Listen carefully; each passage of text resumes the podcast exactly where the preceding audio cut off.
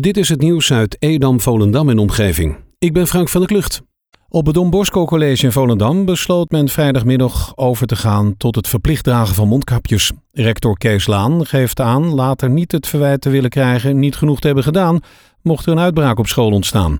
Bij alleen het adviseren van mondkapjes zullen niet veel kinderen het mondkapje dragen. Verplicht is gewoon duidelijk. Ook op het Clusius College en het Da Vinci College in Purmerend wordt het dragen van mondkapjes vanaf nu verplicht. Op het Bernard Nieuwentijd College in Monnikendam ging men twee weken geleden al over op het dragen van mondkapjes. FC Volendam is voor de eerste ronde van de Toto KNVB-beker gekoppeld aan de winnaar van het duel VV Goes, Odin 59. Dat wees de loting van afgelopen zaterdag uit.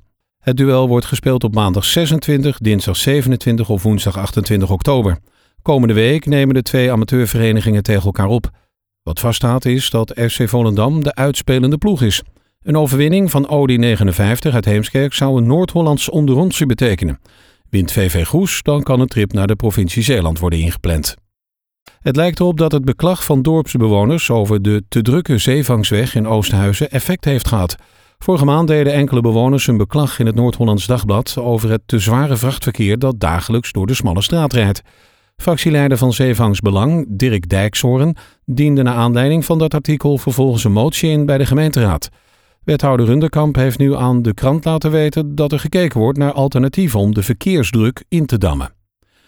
Basisschool Haremijstijd van Randwijk in Ilpendam is vrijdag gesloten in verband met het coronavirus. Drie leerkrachten van de school zijn relatief korte tijd positief getest op het virus. Dat meldt het Noord-Hollands Dagblad vandaag. De eerste besmetting dateert al van een paar weken geleden. De tweede besmetting werd vorige week maandag gemeld en kon niet worden gelinkt aan de eerste besmetting. Dat stelde de school gerust, maar toen donderdag een derde leerkracht positief testte op het corona, besloot de school het zekere voor het onzekere te nemen. Recreatiegebied het Twiske gaat s'nachts volledig op slot in strijd tegen illegale feesten die daar regelmatig worden gehouden. Ook wordt het verboden om geluidsapparatuur mee te nemen het gebied in. Dat heeft de veiligheidsregio Zaanstreek Waterland bekendgemaakt. Het verbod op geluidsapparatuur geldt voor de hele dag. S'nachts gaat het hele gebied op slot. Het verbod geldt niet voor passanten en bestemmingsverkeer. In het Twiske werden de afgelopen weken volgens de veiligheidsregio meerdere keren illegale feesten gehouden. Eerder dit jaar werd het recreatiegebied al eens afgesloten in verband met extreme drukte. Op het Monnikendam Jaarweg, de N247 bij Edam, is vrijdagmiddag een auto tegen een tegemoetkomende bus gebotst. Eén persoon raakte hierbij gewond en moest met spoed worden overgebracht naar het ziekenhuis. De automobilist kwam op de verkeerde weghelft terecht en ramde vervolgens de bus 312. De auto was totalos. In de afgelopen periode hebben uitvaartdiensten plaatsgevonden met meer kerkgangers dan toegestaan is in de Sint-Vincentiuskerk en de Mariakerk. Het kerkbestuur is hierop aangesproken. Het aantal kerkgangers mag niet meer zijn dan 200. Het bijwonen van een uitvaartmis is voorlopig alleen mogelijk met een entreebewijs. In samenwerking met de uitvaartondernemingen zullen de entreebewijzen worden verstrekt aan de nabestaanden van een overledene. Bij een uitvaart zal bij de ingang van de kerk het entreebewijs worden ingenomen.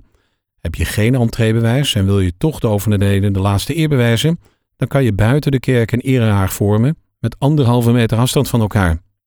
Team Sportservice Zaanstreek Waterland organiseert twee sportspektakels voor de jeugd uit de gemeente Waterland.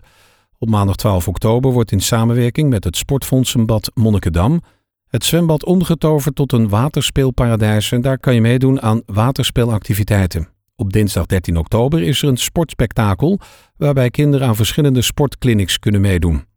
De grote verbouwing van de Carillonzaal in Waterland Museum De Speeltoren in Monnikendam kan definitief doorgaan. Met de crowdfundingsactie moest nog het ontbrekende bedrag dat nodig is voor de verbouwing worden binnengehaald en dat is gelukt. De steller staat nu op 18.500 euro. Tot zover het nieuws uit Edam, Volendam en omgeving. Meer lokaal nieuws vindt u op de Love Kabelkrant, onze website of in de app.